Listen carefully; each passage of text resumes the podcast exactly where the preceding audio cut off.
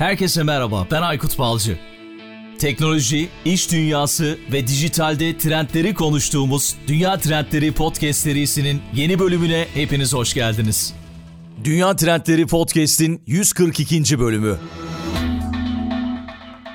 Bu bölümde konuğum yapay zeka ve robotik konularında yazılar yazan gazeteci Şule Güner oldu ve son dönemin öne çıkan konusu ChatGPT'yi konuştuk.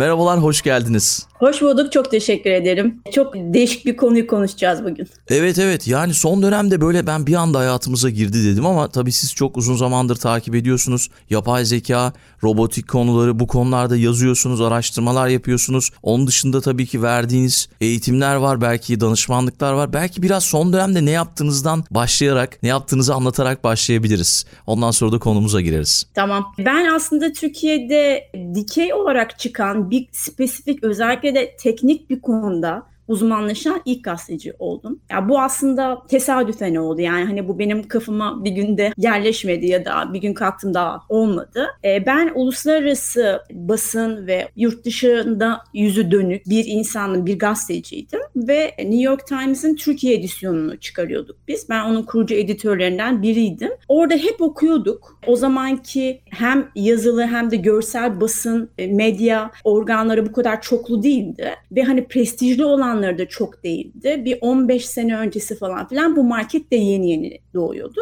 Orada yapay zekayı anlamaya başladım ben aslında ve dedim ki bu geliyor. Ve ondan sonra Para Dergisi şu an yazarı oldum. Para Dergisi'nin genel yayın yönetmeni dedim ki ya böyle bir şey geliyor bu yapılmalı. O da dedi ki e, bunun için işte yabancı diller gerekir işte öyle böyle bir şeyler gerekir. O dedi çok şu anda bulunabilecek bir şey değil bu işi sen yap dedi ve bu iş benim üstüme kaldı. Ve böylece benim aslında yapay zeka eğitimim de başladı. Çünkü bu bir öğrenme meselesi. Tamam evet yurt dışından bir şeyler okuyorsun, ne diyorsun falan ama okuduğunu anlaman lazım. Dolayısıyla aslında bu e, görevi üstlenmek aslında zor bir şey oldu. Ve 7. yılımdayım şu anda. Geldiğim e, noktada da Türkiye'nin ilk yapay zeka anketini yapmak bana kısmet oldu. Çünkü 7 yıl önce yoktu böyle bir şey. Evet. E, yani kamuoyu ne düşünür? Türkler yapay zeka hakkında ne düşünür? Beyaz yakalısı 60-65 yaş üstü ya da öğrenci ne düşünür? Korkar mı? İşini kaybedeceğinden korkar mı? Geleceğini düşünüyor mu gibi bir anket yaptık. Hatta Dijital Dönüşüm Ofisi de kullandı bunu. Onun dışında işte bir takım yerlere aday gösterelim ama bunlar yurt dışında oldu.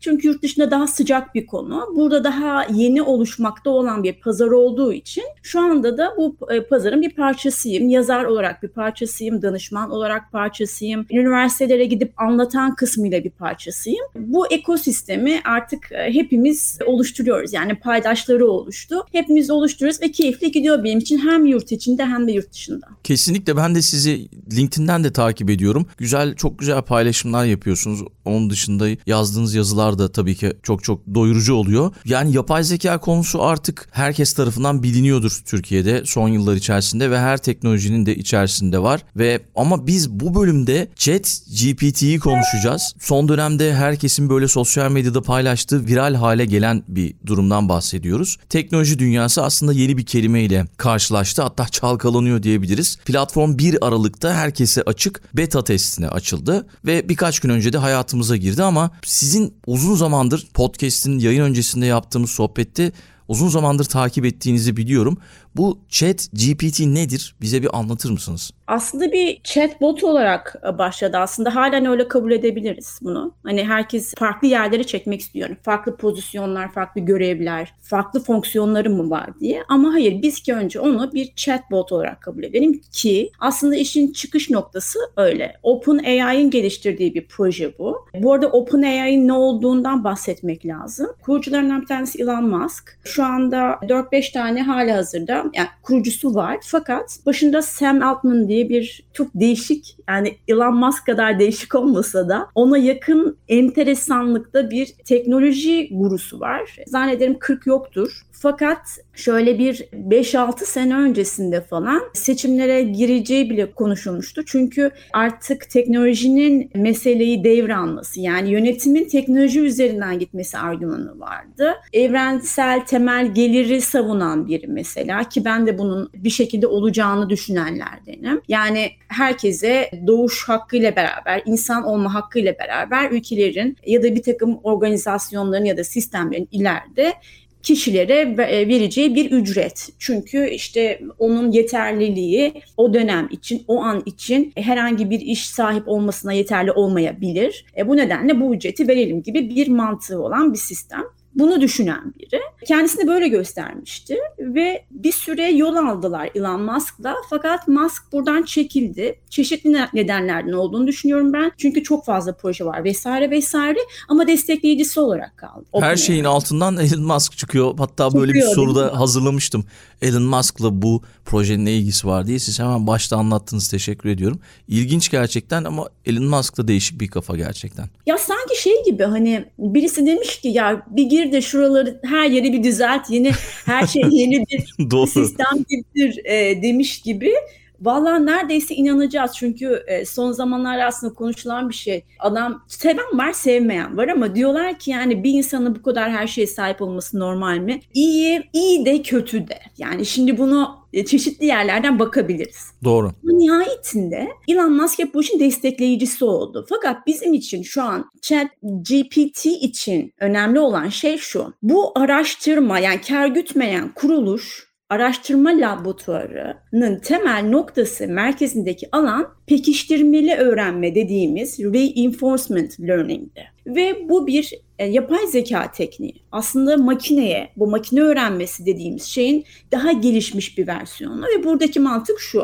Diyor ki ben insan geri bildirimiyle e, algoritmaya öğretmek istiyorum. Ve benim baz aldığım bir küçük çocuk ChatGPT konusunda da mesela örneğinde de 6 yaşında bir çocuğun geri ne öğretiyormuş gibi öğretiyor algoritma. Bunun neden bunun üzerinde durmuşlardı. Çünkü bu öğrenme şekli ödül ve ceza üzerine aynı bir çocukta olduğu gibi işliyor ve dolayısıyla da sizin geri alacağınız feedbackler yani neden bahsediyorum? Mesela bir chatbot düşünün. Bir bankanın yazışıyorsunuz. Statik gayet e, belirli cevapları verebilir mesela. Her cevabı veremez. Zaten de o chatbot'un ne kadar çok görev yüklerseniz başarısı da o kadar düşer. Şimdi bu pekiştirmeli öğrenme yöntemi makineye daha insan gibi öğretme şansı veriyor. Ve o yüzden de başından beri aslında e, GPT'nin olayı buydu. Ve zaman içerisindeki gelişmeleri de bu şekilde kat etti. 2020'deki ilk en çıkışını,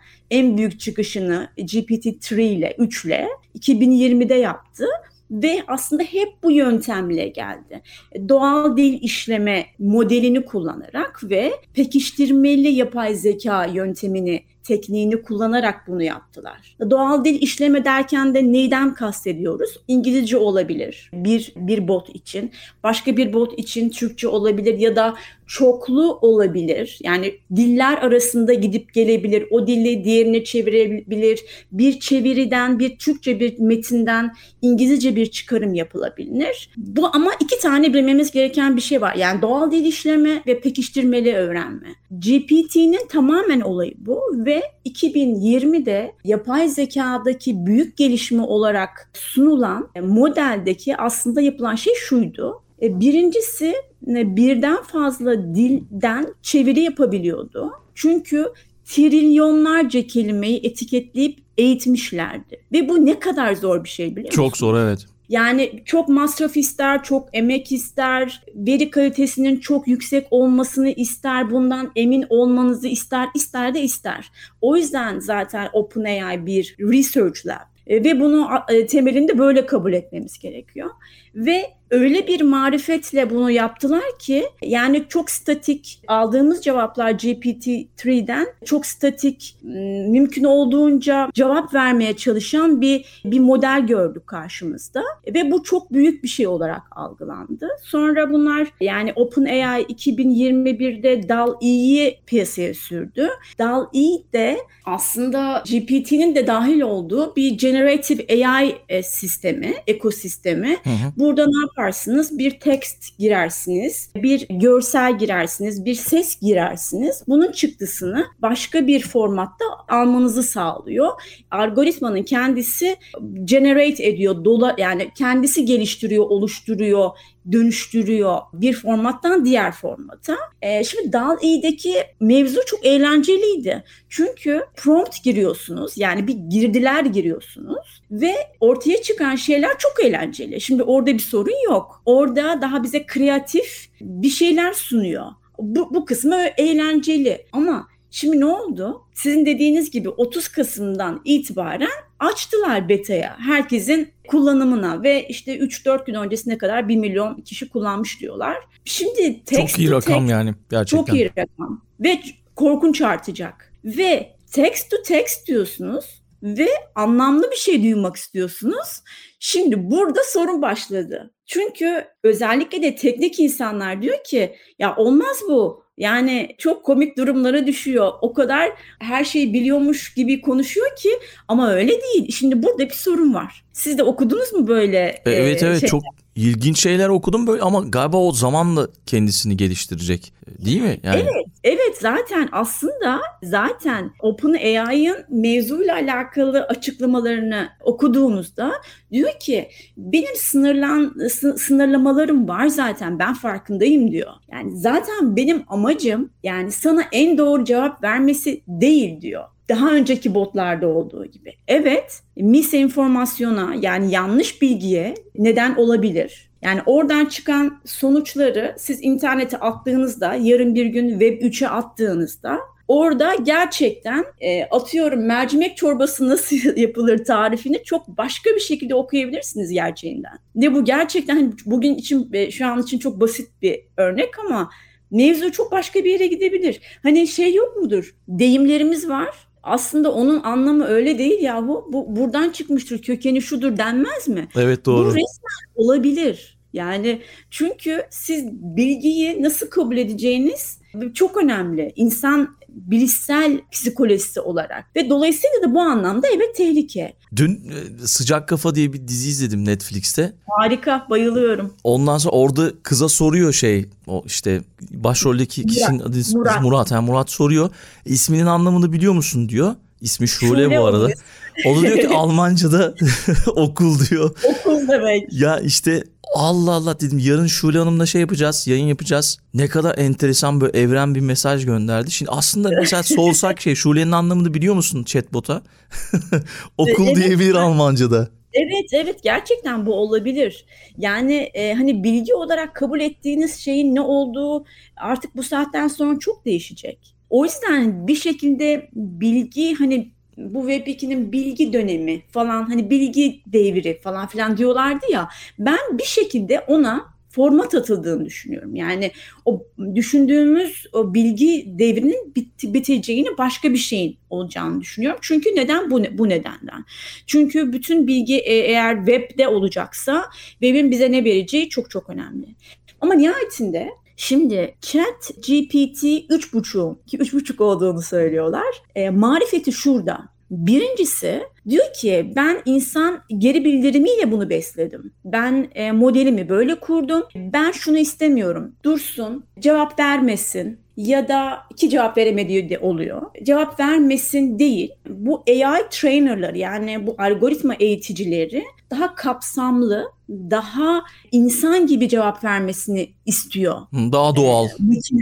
Daha bir şekilde, doğal. Evet. Ve orada hakikaten böyle abuk subuk bir özgüvende falan sana bunu anlat, saçma sapan bir şey anlatıyor. E, ya da e, çok zararlı bir şeyi ki moderasyon API e, API'yi de var aslında uygulamanın ama nasıl ki bu e, atıyorum Google'da, e, YouTube'da çok iyi fonksiyon etmiyor. Burada da çok iyi fonksiyon etmiyor. Yani sen çok e, kötü bir şeyin e, nasıl olacağını gayet anlattırabilirsin. Ama marifet nihayetinde senin niyetini anlamak. Yani Evet. bütün mesele bunun üzerine kurulu. Çünkü geldiğimiz insan ve makine etkileşiminde makinenin senin niyetini anlaması gerekiyor. Sen Google'a sormuyor musun? Yani bir şey bir, bir cümleyle bir şey yazıyorsun, bir şey arıyorsun. Ama oradaki işte hani proksimal yani yakınlığını optimize ederken nihayetinde sana en uygun sonucu vermiyor. Bunu YouTube da vermeyebilir. İşte bu anlamsal ağ denen bu semantik ağ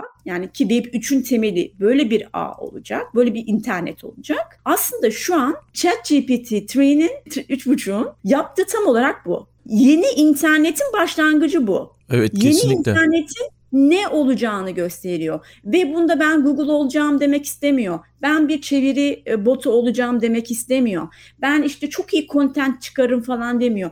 Bundan çok çok daha ötesi çünkü bizim şu anda hani bunun ne olduğunu algılama biçimimiz Web 2 ile ölçümlenebilir. Ama öyle olmayacak. Ya anlamsal ağ dediğin şey zaten bütün internetin birbiriyle geçişli olarak anlamlı cevaplar vermesi ve oraya girilen bilginin de çıktının da müthiş anlamlı olması ihtiyacı. Çünkü insanın makineye biraz daha yakınlaşması için bu gerekiyor. Çünkü insan psikolojisi böyle bir şey. O örneklere baktım. Siz de benimle paylaşmıştınız. Mark Zuckerberg'e özür mektubu yazdırmışlar değil mi? Öyle bir şey Evet. paylaşmıştınız. O da çok güzeldi. İşte tar Eminem tarzında şarkı sözü yazılması istenmiş. Evet, evet. Onun dışında Ya hikaye, daha çok hikayeler, yeniden Hikayeler. senaryolar. Aynen. Ya şimdi tabii buradaki burada istediğiniz şeyi deneyebilirsiniz. Aslında deneysel anlamı çok. O yüzden de sevgili dostum Akın Arslan şöyle demişti. Bu bir galaksi olacak bu buradan çıkan çıktılar. E, çok katılıyorum. Evet doğru.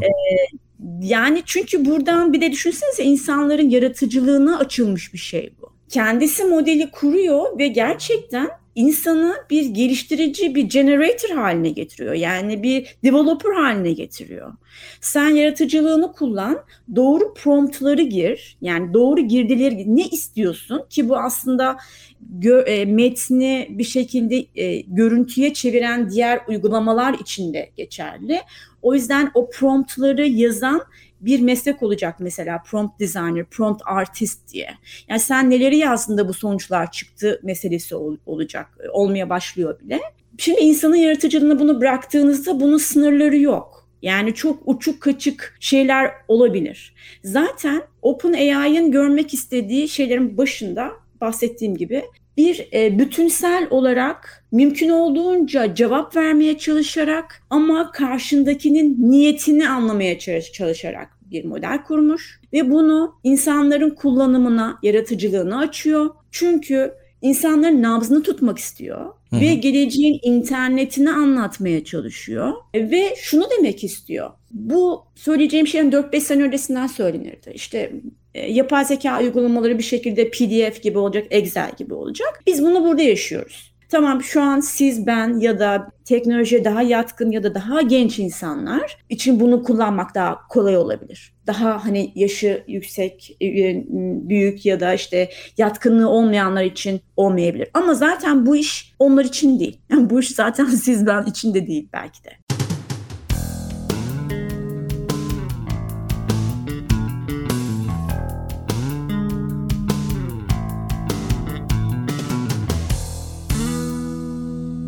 Çok güzel bir benzetmeymiş. Yani Excel gibi, PDF gibi olacak ileride. Enteresan gerçekten. Evet zaten size bildiğiniz e, yani kodu yazmış, modeli kurmuş. Size e, aslında pekiştirmeli öğrenmeyi sizin yapmanızı istiyor. Yani diyor ki sen ne istiyorsan diyor, ne e, nasıl bir çıktı istiyorsan onu çok spesifik olarak, mümkün olduğunca spesifik olarak tanımla, bunu yaz ve alternatif yakınlıklarda sıfırla bir arasında farklı olasılıklar gibi düşünelim bunu. Yani algoritmik olarak e, sıfırla bir arasında bir yakınlık e, seç ve ondan sonra e, çıktığının nasıl bir şey olacağını sen kendi oluşturacağın arayüze öğret. Yani bildiğiniz e, bir şekilde bir developer yap. Çok kısa Ee, şeyden bahsetsek mi? Yani belki bizi dinleyen dinleyicilerimiz hiç kullanmamış ya da ilk defa duyuyor olabilirler. ChatGPT bir sohbet robotu. Bir, bir şey yazdığınızda insan gibi cevap veriyor size doğal bir şekilde. Belki nasıl Evet. çalışır, hani ne amaçla kullanılır biraz bahsettik ama onu böyle bir isterseniz anlatabiliriz. Ya şöyle yapıyorsunuz. Şimdi siz bir girdi giriyorsunuz. Bir kere şimdi nasıl kullanabilirsiniz? İçerik geliştirmek için kullanabilirsiniz. Bir şeyin özetini çıkarmak için kullanabilirsiniz. Çeviri için kullanabilirsiniz. Mesela Washington Post muhabiri bir makale yazmış. Buna Hı. e, üç tane başlık yazar mısın demiş, öneri verir misin demiş. Hı hı. Yani o şeyi tarayıp herhalde. İşte böyle kreatif e, şeylerde. Ya benim bir fikrim var ama bir de senden duyayım. Ama zaten yapay zeka söz konusu olduğunda yani bu hep böyle olacak bundan sonra. Yani mesela bir mimarın görevi ne olacak? Atıyorum şu semtte şöyle bir kentin şu bölümünde şu semtinde e, şöyle bir yapı. Yani mimarın görevi bu şöyle olsun. Benim içimden gelen bu olmayacak artık. Diyecek ki olasılıklarım nedir? Beslendiği yer yine bir çeşit yapay zeka olacak. Çünkü yapay zeka ona e, insanın düşünmediği farklı bakış açıları kazandırabilir. Yani farklı olasılıklar verebilir. Bundan sonraki mevzumuz böyle ilerleyecek yani herkesin. Anladım. yani biz buna ne kadar hani yaşamsal şey döngümüzde ne kadar yetişiriz bilmiyorum ama bu kademe kademe böyle olacak. Zaten işte bu kadar bunun interneti kasıp kavurması da bu. Yani bu aslında bunu anlatan bir şey. Bunun ilk adımı. Nihayetinde ChatGPT özetleme yapabilir, duygu analizi, yap- analizi yapabilir, bir şeyleri kategorize edebilir. Matematik problemleri sorabilirsiniz mesela. Yani bir şekilde çok fonksiyonlu bir şey. Ama şu ya da bu, bu demek çok e, mümkün değil. Ve nasıl olduğuna gelecek olursak da çok basit olarak siz istediğiniz şeyi promptlarını yani girdilerini giriyorsunuz. İşte mesela işte Ankara'da bugün hava nasıl olacak? Ya da işte e, İstanbul'da önümüzdeki iki ay içerisinde işte yağmur yağma olasılıkları ne olabilir? Burada istediğiniz niyetinizi çok belirli olarak, istediğiniz şeyi çok belirli olarak promptlar girdikten sonra şey bir şekilde arayüzünüzü eğitmeye geçiyorsunuz. Alternatif yakınlıklarla oynayarak yani 0 ile 1 arasındaki olasılıklarla e, oynayarak e, diyorsunuz ki algoritmaya risk al ya da alma ya da şu kadar al diyebilirsiniz. O farklı sonuçlar verecektir doğal olarak size e, istediğiniz sonuçla alakalı ve bunları aldıktan sonra bunu JavaScript'te bir arayüz haline getirip ortaya en yakın bir sonucu almanızı isteyeceksiniz ki algoritma zaten bunun üzerine konumlanmıştır ve 0 ile 1 arasında sizin size oynatma nedeni de sizin istediğiniz sonucu alması için o anlık eğitmeniz gerekiyor onu. Anladım. Ee, işte o rolü kullanıcıya vermiş olması mesela çok müthiş bir şey. Yani resmen kullanıcıyı çünkü e, kaynak haline getiriyor. Yani kaynak developer haline getiriyor. Peki sınırlaması var mı dedik ya? Herhangi bir sınırlaması var mı? Ya en büyük sınırlaması işte çıkan sonucun saçma sapan bir, bir şey olma Evet. ihtimali. Doğru. Yani işte o Mark Zuckerberg ile alakalı özür mektubu mesela onu okuyan birisi siz onu copy paste yapın belki birisi doğru anlayacaktır. Ee, ya bu çok ciddi bir sorun ki e, veri kalitesi önümüzdeki birkaç senenin konusu olacak. Şimdi Avrupa Birliği Telekomünikasyon Bakanları birkaç gün önce e, ortak bir metinde uzlaştı ve bu konunun altı çok çiziliyor. E, veri kalitesi ve hani tarafsız bir veri olması bir. Nereden referans alıyorum? Hmm, Ver, verimin referansı ne? Bu öncelikli konu olacak. Gazeteci olduğum için çok rahatça konuşabilirim. Dünyanın en büyük markaları veri kalitesinin yüksek olmasıyla ekmek yiyecekler.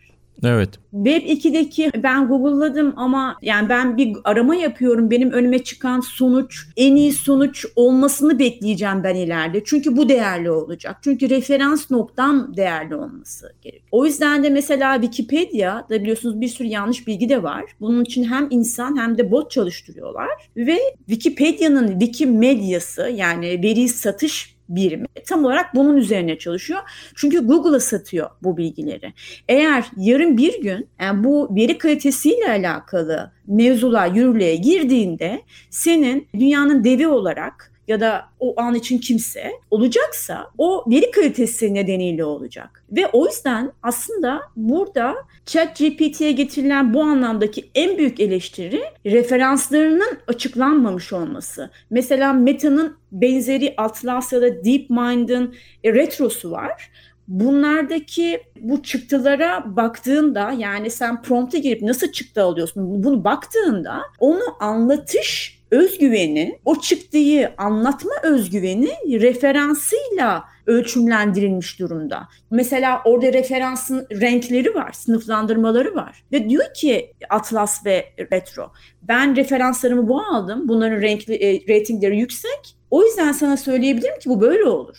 Ama hmm o renk ne e, rating ne kadar düşerse onun renki de o kadar düşecek. OpenAI böyle bir şeyin derdine girmemiş. Çünkü buradaki mevzu bahsettiğim gibi en önemli olan şey ben insanın niyetinin ne olduğunu anlamak istiyorum. Ben burada aslında bilginin doğruluğu benim için mevzu birinci mevzu değil. Çünkü ben algoritmamı öyle kurdum, modelimi öyle kurdum. Eğer başka türlü çalışsaydım sana bu kadar kapsamlı ve bu kadar az soruyu cevaplayamayarak bir model oluşturamazdım diyor. Kesinlikle zaten teknolojiyi kullanmaya başladığımızda kullanıcıları chat GPT'nin her zaman doğru olmadığı konusunda uyaran bir sorumluluk reddi beyanı açılıyor.